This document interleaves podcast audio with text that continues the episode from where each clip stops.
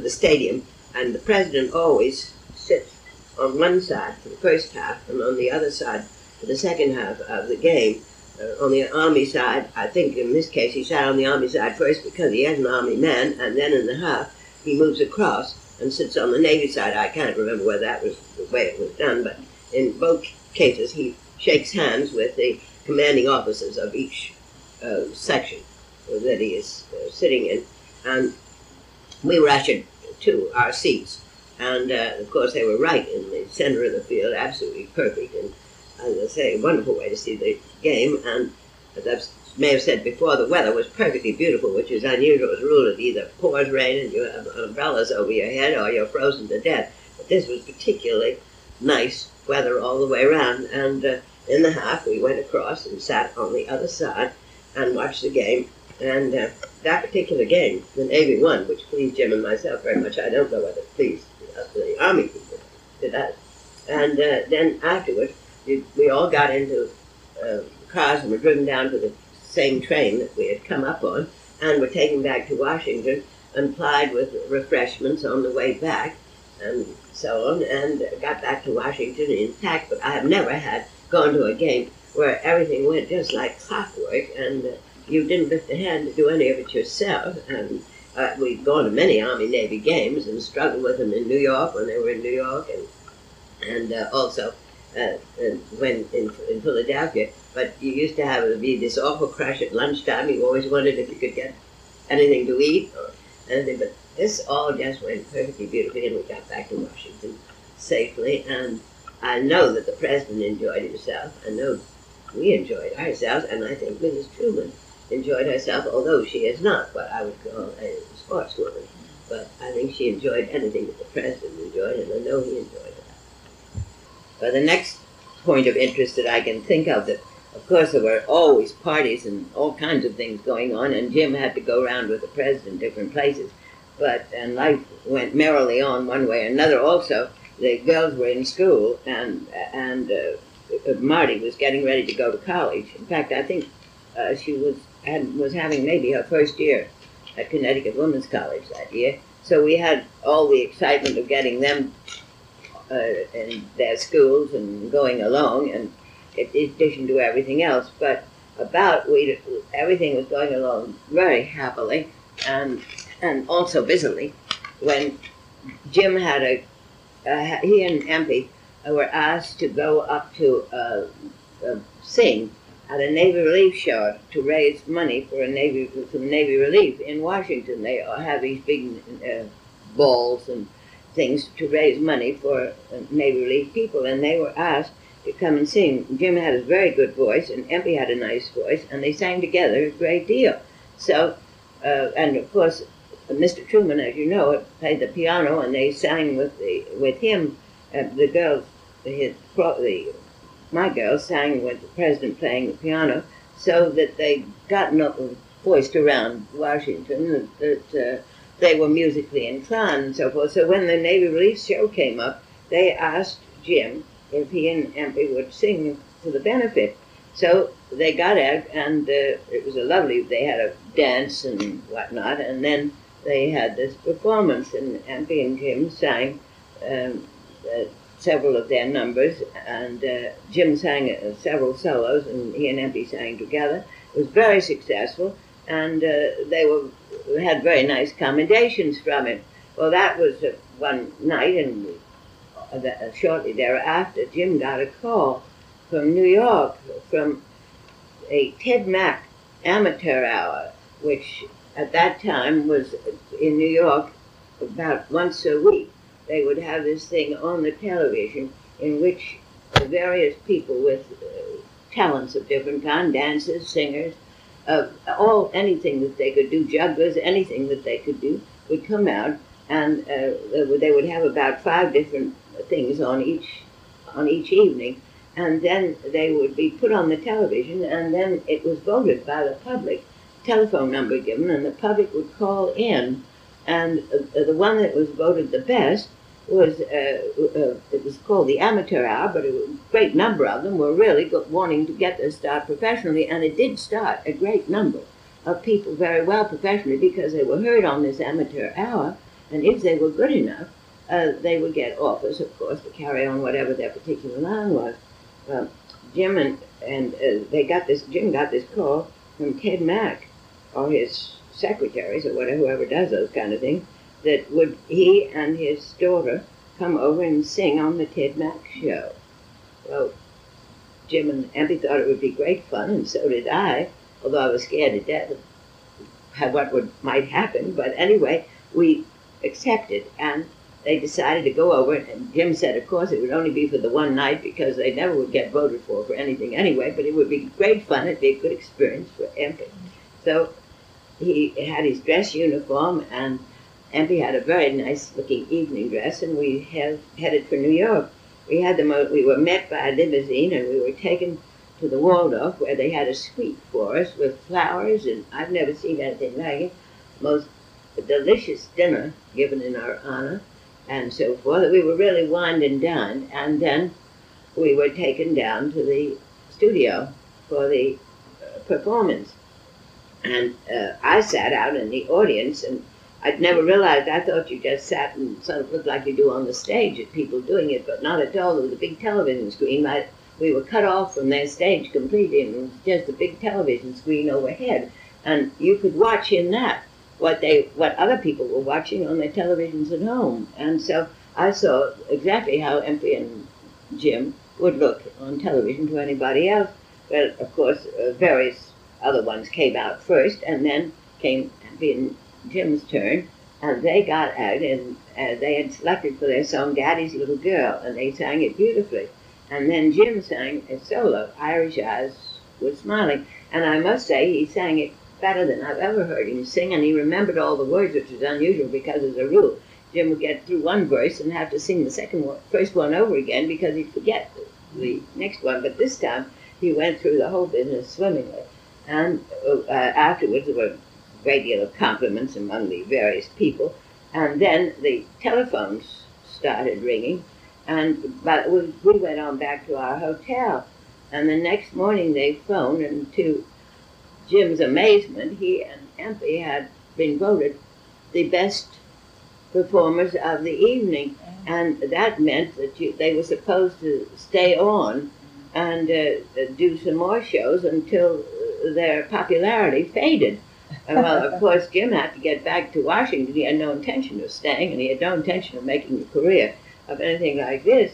So we had to thank him very much, and we were very pleased, and we had a perfectly lovely time and an entirely uh, new life for all of us. None of us ever having had anything to do with the stage before, but we went on back to Washington, and uh, that, as I say, was a, a fun experience for us both but uh, it, uh, Jim had after that got any number of letters uh, asking from professional things, asking if he was interested in pers- pursuing a career on the stage for any reason whatsoever. It did a great deal for our popularity at parties. Also, we found we were greatly in demand, uh, so that Jim could sing and so, so all those kind of things, and he loved singing. I must say some of his repertoire were a, a little bit risque, but uh, because he had some lovely things that he had picked up in our various shores around the country, also from the academy when he was down there, and things of that kind. But uh, and some of his sea songs were pretty, pretty good. But uh, we he did have a very, a, a very happy ending to his professional career in that line. Mm-hmm we had just re- we were just recovering from all that excitement and so on when it came when spring came upon us, and with it, my mother had decided that Marty, who had graduated from school and whatnot by that time, should have a regular old-fashioned coming out party, which they have in Philadelphia, in which all the old friends of your mothers and grandmothers and everything else come to a big and very formal tea, and the girl who is uh, giving the tea is uh, dressed to the nines, and she has uh, her schoolmates and whatnot all dressed up and acting as sort of her bridesmaids and whatnot, and they have a regular what they call coming out party or debut. and my mother decided that she wanted to do that for Marty, who was her oldest granddaughter, and uh, and that she would like to have all of her friends uh, know that she had her. And so, well, because we lived away so much from, from Philadelphia, that that mother felt it was nice for us all to come back and have a little uh, get together with them. So she was at uh, Shirley Farm still at that time in her place there, which was a lovely big house, and she had uh, she sent out formal invitations and had hired a uh, one of these tents out on the lawn in case it was a rainy day, and uh, everyone came to the um, to the tea, and uh, Marty had about nine girls that she'd been in school with, so it was a very exciting time. And then after the tea, uh, when all the tea guests had gone, then the young people arrived, and they had a dinner dance out in the tent, dinner and dancing afterwards, which went on into the wee small hours. Very successful party, and Marty had then burst upon the astonished world, and my mother was satisfied that everybody had seen her, and Empy and me, and so forth. And uh, and uh, then, uh, uh as I said, we returned to Washington, and the following the following winter or, uh, or fall, I'm not sure just when they have it. My uncle and aunt in Baltimore, and my uncle presented her at what they call the bachelor's cotillion in, in Baltimore, and you have to be presented by an older man. You go in, it's rather like our assemblies in Philadelphia. You uh, go in, and uh, your, the man who is sponsoring you takes you in, introduces you to the line of, of uh, hostesses and so on, and then you have had a, you generally have a dinner party and all kinds of excitement, and then you dance all evening. And it's the way uh, the majority of girls in Baltimore, instead of having a tea such as we had in Philadelphia, uh, they have what they call a bachelor's cotillion, which does the same thing for the Baltimore girls. And then uh, in uh, when she was uh, when she was old enough, uh, she came out in Washington in the way that you do in Washington which is where they have about whatever the number of girls are that are coming out, there maybe 20 or 30. They have one big ball, dinner party and ball for the whole group of girls, and everyone contributes, so the family's directly interested. And then the guests are all invited, and it's a general coming out for all of the debutantes in one fell swoop. That is done in, in Washington, and that is what happened for Empy. But Marty, uh, who came out three years before. I, I think it was, as I say, the spring of 1947. Uh, uh, she, uh, uh, it possibly could have been the spring of 48, but I, that was when we were getting ready to leave Washington, and I feel we were, that we'd been too busy at that time to, to, to do it, and I feel it was done in 1947, although the exact date has left me at this point. To, to go back and to explain a little bit of what I'm going to talk about next, which has to do with our friendship, or rather my husband's close uh, affiliation with uh, Greek officers and, and Greek personnel of all kinds. I have to go back a little bit to the days of the war in the Mediterranean, where uh, Jim was his headquarters was in were in Alexandria, and he and my brother, who was his aide, my brother Frank, who was his aide, had a house in Alexandria, and right beside them, or, or maybe a house or two away, was the king of Greece and the king queen of Greece who were in exile, King Paul and Queen Frederica, who were uh, there on account who had left Greece and were living in, in Alexandria due to the uprisings and the uncertainties of everything in Greece at that time. And they had become very intimate with the, uh, the king and queen, who were delightful people. And through them and through Jim's various uh, um, intelligence work in Washington when he was in naval intelligence and with standing groups and all the uh, things that he did, he had come in contact with a great number of the Greek officers and uh, Greek dip- diplomats so that in, in Egypt, uh, they, they, the Greek navy mutinied, and uh, there was a, a, great deal of difficulty, and uh, the Greek officers and uh, Greek officials appealed to Jim who, who was then the senior officer in that particular uh, type of thing, appealed to him for help to see if he could in any way help them to get the Navy back, the Greek Navy back in line, the men and the officers, so that they could cooperate with the British and all the others who were striving in the Mediterranean to um, get things settled once and for all with the Italians and the enemy.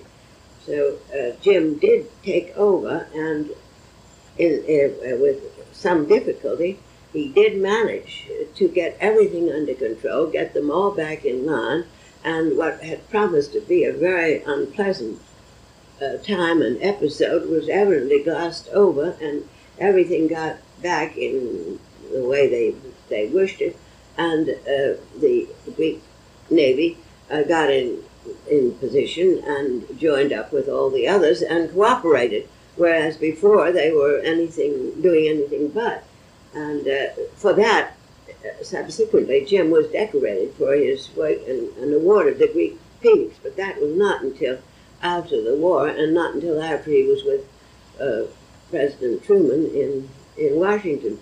But his friendship with the king and queen remained, and we had, and also we had some very dear friends that we had known for years in Philadelphia, the Stephanos, who were head of the Stephano Tobacco And they, they and their family, whom we got to know very well in, in Athens and in Europe as we traveled around, as we traveled around, uh, were perfectly wonderful to us in Washington while we were there, and we had a great many lovely affairs and parties with them. And also, as you know, in the past, past in the earlier days before all this, uh, Jim and I, when his ship was being repaired in Philadelphia, had spent some very nice and pleasant weeks down in Beach Haven and vicinity with the Stephanos, who had cottages down there and they're a big family. So, and many of them were in in Greece, lived in Greece, and so when we subsequently went to Greece and to Athens, uh, we had a royal town wherever we went, and and uh, I've always had a very soft spot in my heart for the Greek people, and that brings us back to to uh, Washington and uh, the life there and the uh, Greek embassy, uh, in, which we were entertained frequently. And uh, uh, the ambassador was um, named Diamantopoulos, and he and Madame Diamantopoulos were a delightful couple. Ma- Madame Diamantopoulos' family, his sisters, had been in America for a long time. He, they were all Greeks, of course, but her sisters, I believe, I think several of them have become American citizens, and they may have been married to Americans, I don't know. Madame Diamantopoulos, of course, was a Greek, and her husband was a Greek ambassador. And she was a lovely looking woman, perfectly lovely, and lots of fun, and I enjoyed it very much. Well, um, unfortunately, the ambassador died very suddenly and unexpectedly of a heart attack or something.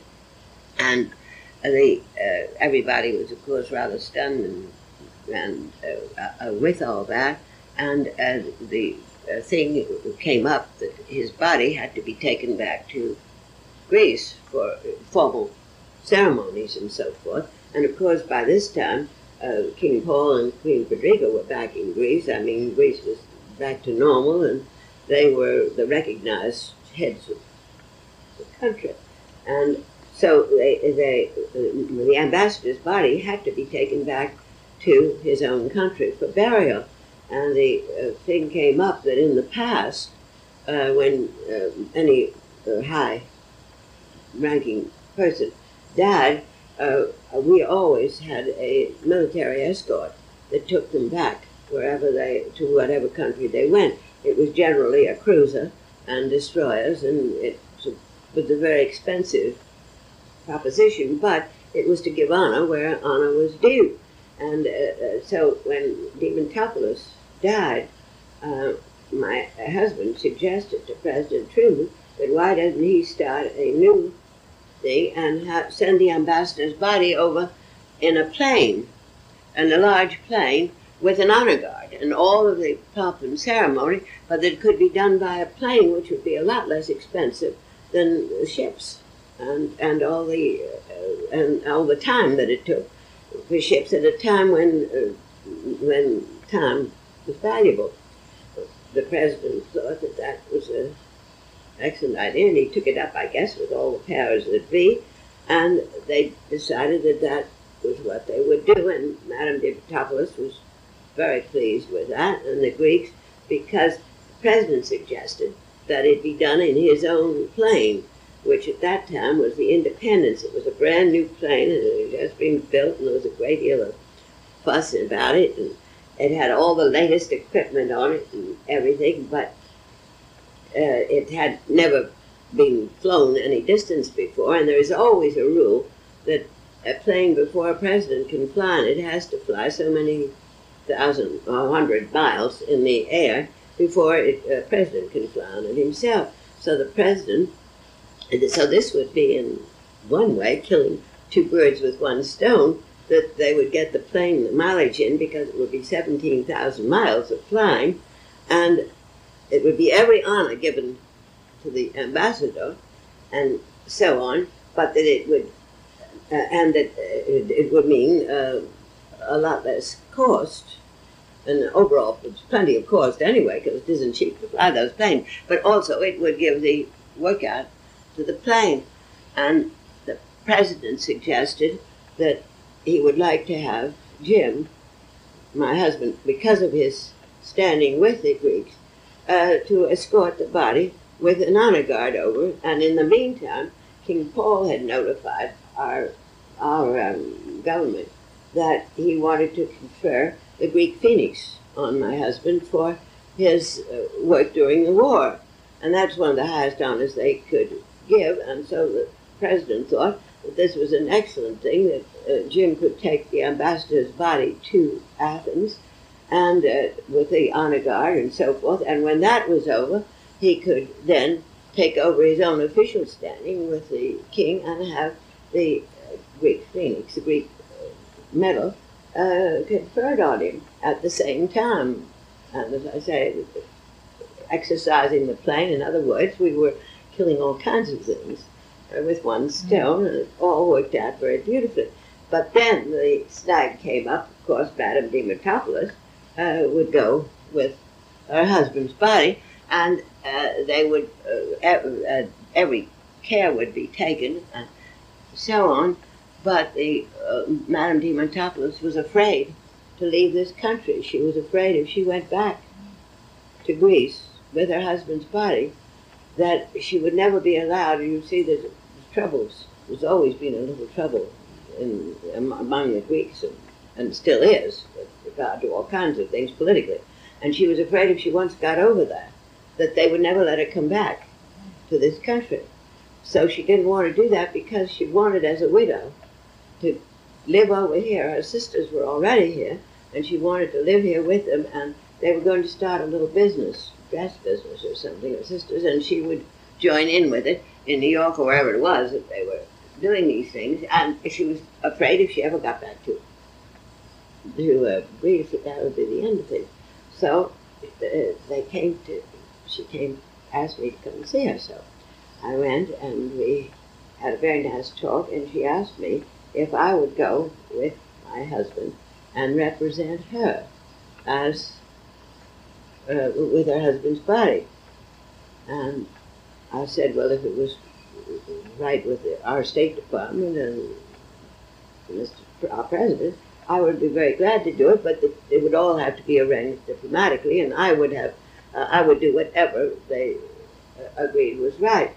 So the end of it all was that it was agreed that I should go over as Madame Diamantopoulos uh, as far as the general populace was concerned when we arrived over there, that it would be Madame Diamantopoulos that was arriving with her husband's party, but that of course the king and the various people in the know would know that it wasn't Madame Diamantopoulos, but you had to pacify the public. So I had to wear, a, I had to have a mourning clothes. I never wore one black for anybody, but in my own family. because my family never cared for it. But I got a black veil and all of the paraphernalia that widows wear in, in Europe. They make a great deal more of mourning than we do here. I had black stockings. Oh, I had everything. It was awful. I looked like a real black crow. Oh. But anyway, uh, it was all arranged, and the honor guard, and so on. And the day that we were to leave, Independence was gotten ready. It was a beautiful plane, perfectly beautiful. And I must say one thing. I can truthfully say, I know you, they say George Washington slept in this bed and that bed, but I can truthfully say that I slept in President Truman's bed because I was given his quarters on the Independence, which were in the forward part of the plane, and Jim and the honor guard were at the back part. But I had all of the state and the, the comforts of the front part, and the reason for all this was that the ambassador's body was put in a large coffin. It was the most elaborate, beautiful thing. Uh, it was bronze and huge, and it weighed I don't know how much. I don't have no idea. But they had to use uh, to put it on the plane. They had to use a derrick, a lift, to get it on, and it was too big to go either in the forward or the stern part of the plane. It had to go in the middle, right plumb in the middle, and and uh, it it filled the entire middle, and it reached almost up within well, it would be about from about two feet from the the whatever you call the uh, upper structure, the fruit roof of the plane, and this huge thing. Of course, they had that all on the plane before we came down for it because when I came down, when Jim and I came down for the plane, Jim, of course, was in full uniform, and of course, the honor guard, all the Marines and everything else who were going with us, were all in uniform. It was very impressive. When we got down there, there was a big contingent of the Greek, the embassy, all of the the people, uh, everyone that had any dealings with the uh, with the ambassador were down to say farewell to him and to have a, a farewell little uh, service before plane took off. And they fortunately put the coffin on first, and so forth. And uh, but it was very complicated because uh, there were all these people to say farewell to us, and yet there was no earthly way that I could go up the usual gangway to get into the plane because the coffin was sitting in the way. So what we all were, we were down on the ground, and we had the service, and the Greek, the Archbishop, the Bishop of the Greek Church, his name was Athenagoras, and he, uh, he represents, he was the head of the whole Orthodox Greek Church, which is the same as the Pope is to the Catholic Church in, in Italy. The, uh, uh, the bishop, uh, the Greek bishop, uh, was the head of the Orthodox Greek Church and occupies among the Orthodox Greeks a, a tremendous position and e- equal really uh, to the Pope in the Catholic Church.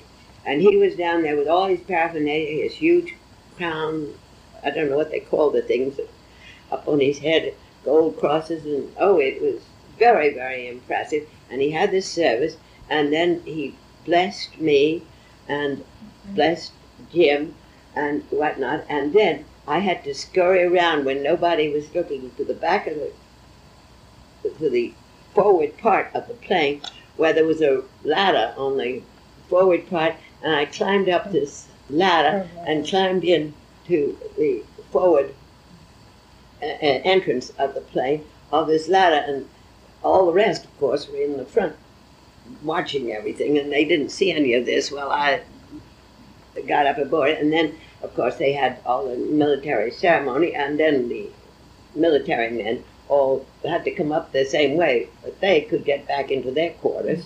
In, and Jim and I, I can literally say, we were separated completely by the ambassador. Jim was in the back part of the plane, I was in the front, and there was absolutely no way that you could uh, uh, that you could uh, well you could climb over, but uh, that, isn't exactly what you would do, except when you we took off and whatnot. But the awful part was we were informed on account of the coffin having to be in the center part there, that was where the galley was, where you ordinarily have your meals and so forth. So we were informed that we could have nothing to eat on the plane, but we'd have to just depend on where you landed to have your food. We had sandwiches and thermoses that could be given to us and so on, but there was absolutely no way uh, to uh, to cook or have anything because the body was in the galley. The coffin was in the galley. so uh, the thing was that we would go to Gander first, and we would get to Gander about midnight, and uh, we would have a midnight repast in Gander, and then we would have breakfast in Bremen, in, in Germany, and lunch in Rome, and then we would get to Greece in the afternoon. This was all set up, cut and dried, and, and fine. Well, as I say, we all got on board, and it was very impressive. The president came down to see us off, which was lovely, President Mrs. Truman, and I have never felt so much like a queen bee in all my life. But as I say, nobody knew it was me. I had my black veil, and I, I mean, nobody knew it was me except those that were in the know, like President and Mrs. Truman and so on. But I was always in black and with this heavy black crepe veil, uh, because to all intents and purposes, I was Madam Madam Diamantopoulos. So we took off, and we got to Gander, and it was the most terrific snowstorm. It was bitter cold. It was really Gander is one of the most deserted of the places. Well, we got off the plane at Gander. Remember, I have, had to climb on ladders. It was no, it really was very interesting, and because, as I say, you couldn't have gangways. The, uh, the body with the coffin was right there. So we got at Gander, and they had a lovely supper all ready for us in the in the, uh, deep, whatever they call the airplane hangar there. It was icy cold outside, but boy, when we got inside, I've never felt anything better than that coffee and the hot food that they gave us and so on. And then we went back, got on the plane, and we took off for Bremen. And we had gotten, I, I got into my quarters, Jim got into his in back. I, as I say, I couldn't even see. You couldn't see over the top, but every once in a while Jim would come and lean on the coffin and talk to me over the top of it. And uh, as I say, I went to sleep. I never have any trouble sleeping on any place, and I went sound asleep. And I don't know what hour it was of the night, I can't tell you, because of course you're changing time all the time. And I was, I was asleep, and suddenly I heard this yelling, calling, and pounding, and I woke up, and here was our pilot, who was a man named Reynolds. He was Hank Reynolds, one of the best pilots I've ever known. He was a wonderful pilot and a wonderful aviator and had a wonderful war record. And he was the pilot for the president, the president's plane. And he, his family were head of the Chesterfield, I think it was, tobacco uh, people, Reynolds, uh, Reynolds family. Anyway, here he was leaning over the coffin the same way Jim had leaned over to talk to me and yelling at me, saying, Florence, wake up, wake up. And I got up and I said, Oh, are we there? And he said, No, we're not there, and we're not likely to be there for a bit. He said, I just want you to put on your um, parachute and be ready for anything. And I said, What do you mean? Are we having a drill? He said, No, the plane is on fire. He said, The plane is on fire. He said, I think we can keep it under control, but I want everybody to be ready for whatever comes. But he said it's uh, it's uh, in the wiring, and it is it's burned out all our wiring. And he said, I think we have it under control, but we have no instruments. It's burned out. And uh, I think that this was a DC 6. I'm not sure, but I think it was. It seems to me it was. Anyhow, I said, Well, I'm going to tell you something, Hank. I'm not going to put on my uh, parachute because I tell you, I'll never be able to pull all those buttons and things. And I said, I'm just going to stay the way I am You all jump and put on your parachutes. If we have to jump, you jump. But I'm going down with the ship. I said I prefer to do it. I just, I will never be able to pull those little strings and all these things, and there's no good in my putting it on. And I, and then he looked at me, and with a, he was too funny for words. He said, "Well, I want to tell you something." I, I, would like you to put it on because that's what you're supposed to do, but I know you probably won't, and I can't get over to. Well, I could come over and force you to do it, but he said, I'm not going to. You do what you want. But he said, I'm going to tell you there's one thing we all have to be thankful for. There is one of us on board that is prepared for any emergency. And he pointed down at the ambassador's coffin. Uh. And so I never forgot. The uh. ambassador was ready no matter what, and with his coffin. But anyway, we flew blind, absolutely blind. That's why I say it was simply marvelous. And of course, he had gotten in touch through radio with uh, with uh, Bremen and notified them and notified the various authorities of our difficulty that we that they had the fire under control. But by this time, everything was black from the the, the smoke and whatnot faces, hands, everything. We had no water, of course, to wash anything with. It was, it was really when, and was, so he landed us. We did. We landed in Bremen, with just being called in by the uh, whatever they call them, controllers, I guess. And we got there, and my brother Kent and his wife Gladys were the first people we saw as the plane came down my brother had been was stationed with our army, our army in in Bremerhaven. He'd been with our army during the war over there, and he and Gladys, his wife, were she had been a, a major in the army, and my brother was a captain in the army, and they'd gotten married, and she had of course gotten out of the army, but uh, she still held the rank of a of a major. My brother always said that she was uh, senior to him and but she had to get out of the army, of course, when she married him. But they were stationed uh, uh, after the war in Bremerhaven, which is not too far from Bremen. And when we had, notified them that we were coming through Bremen and going to have breakfast there, they came in and we all had breakfast together in Bremen. And I didn't manage to get myself a little bit cleaned up, but of course I had no, no, none of my toilet articles or anything uh, on the ground with me.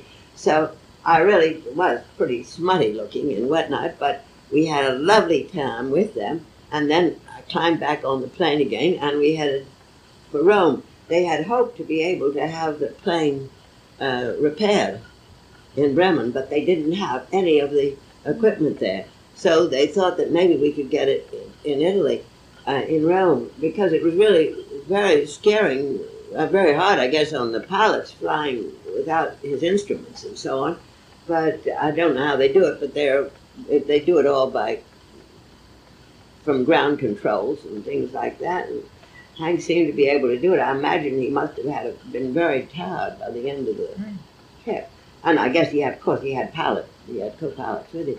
But when we got to Rome, we were met by the Thorntons, who were friends of ours in Rome. He was stationed there, and he had he had a hobby, which was photographing uh, people and things, and he had done two lovely photographs of, of our girls when they were younger. We'd all been stationed together out in uh, California, and he'd done some perfectly lovely photographs of them, which I still have.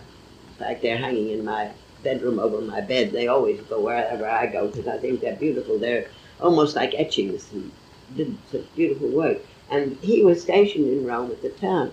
So he came down and joined us, and we all had a lovely meal together in Rome. And then we took off for Athens. We arrived in, in Athens, not on time because we'd been delayed all the way along the line. And of course, in Rome again, they had nothing.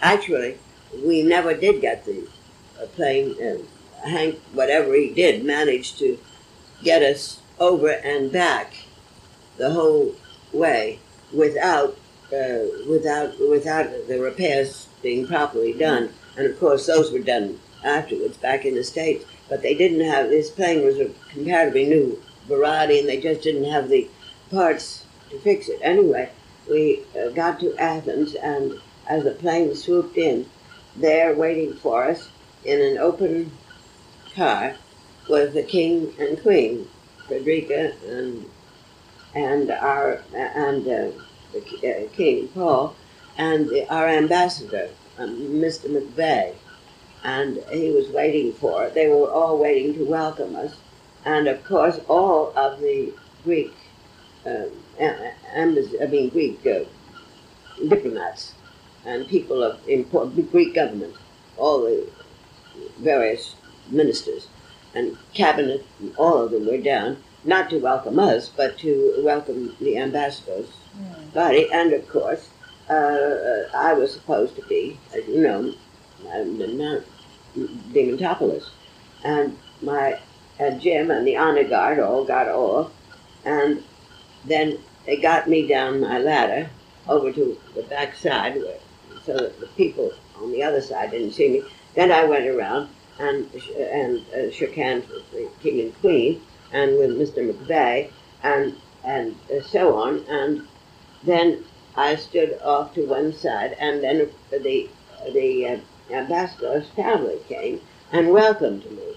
Naturally, they knew I, uh, the immediate family knew I wasn't, but they, for the Greek public that were all standing around watching us, they embraced me very warmly and treated me as if I were and Madame Diamantopoulos. And of course, I never opened my mouth because I don't know one word of Greek. The only word of Greek I've ever known was Ella, which means come, and I don't think that would be very helpful. And so, anyhow, we we uh, they informed me that the ambassador's body would have to come off of the uh, airplane and be put in the hearse.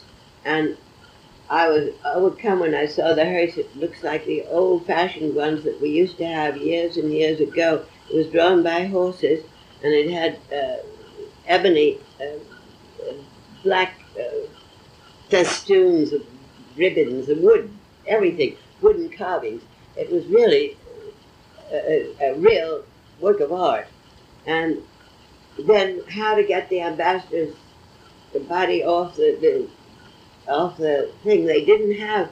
They had an awful time finding a, a means, a derrick, that would be heavy enough to handle it. We had a special contraption in Washington, but apparently here they hadn't been prepared for this. But after a great deal of to-do and fuss, it was finally gotten off, and of course it had to be done in a dignified way, and we had music, and we did everything we could to distract the public uh, from the fact of, of the ungainly business of getting the thing off the plane and getting it into the into the hearse. And then they told me that we would have to walk behind the hearse uh, all the way to uh, to the streets to uh, where the to the church uh, where the cathedral where the funeral was to be. So um, uh, his sister, the ambassador's sister, and I walked beside each other. I have pictures in my album that the children may always see to uh, bear out the whole business with the coffin and all of us going along behind it. And then came the sisters and the brothers and me. And then behind us, of course, the king and queen had gone. They went back, they greeted us, and then they left. But the uh, the, the, we they weren't having they would naturally come to the funeral, but they weren't taking part in all this. Remember, I was we were being officially de- I was being officially a Diamantopoulos, and my husband was the honor guard. So he and his his honor guard, all in uniform, of course, uh, went in front of everything, and we all trailed along behind the hearse, and we had to walk. I think it was around four miles. It was Oh. very hot, and of course, I, I was lucky I had black clothes on because, as I say, I was black anyway from the grime and the soot of the little fire that we had on board. And we finally got to the church. We took the, uh, the uh, it was a cathedral, I think, and we the coffin was placed in on the wheels and taken in and put in the church with the uh, proper covering on it and all the flowers, masses of them around it. And then we left. and went to our hotel because, of course, the service wasn't going to be until the following day. And we left and went to the hotel, and I'll never, I'll never forget it. When we got it was the Hotel Britannique, which was a very lovely hotel, and they had a perfectly beautiful suite for us up on the second floor. And when I walked in, the, the, uh, the living room of my suite was, of our suite was large enough to put an army in. It was perfectly huge, and it was just massed with flowers that everybody had sent for that the hotel keeper and all these people it, it had sent for Jim and the honor guard and Vera, and it was really something. And I was pitched, it was just as dirty as I could be, and then you'll never believe it, but the hotel manager came in bowing and apologizing, and he said he was terribly sorry, but that there had been a strike in Athens that the day before, and that there was no water and no electricity, and that he was very sorry, but there was nothing they could do about it but they assured me that they would bring me some water to wash with and that all would be well.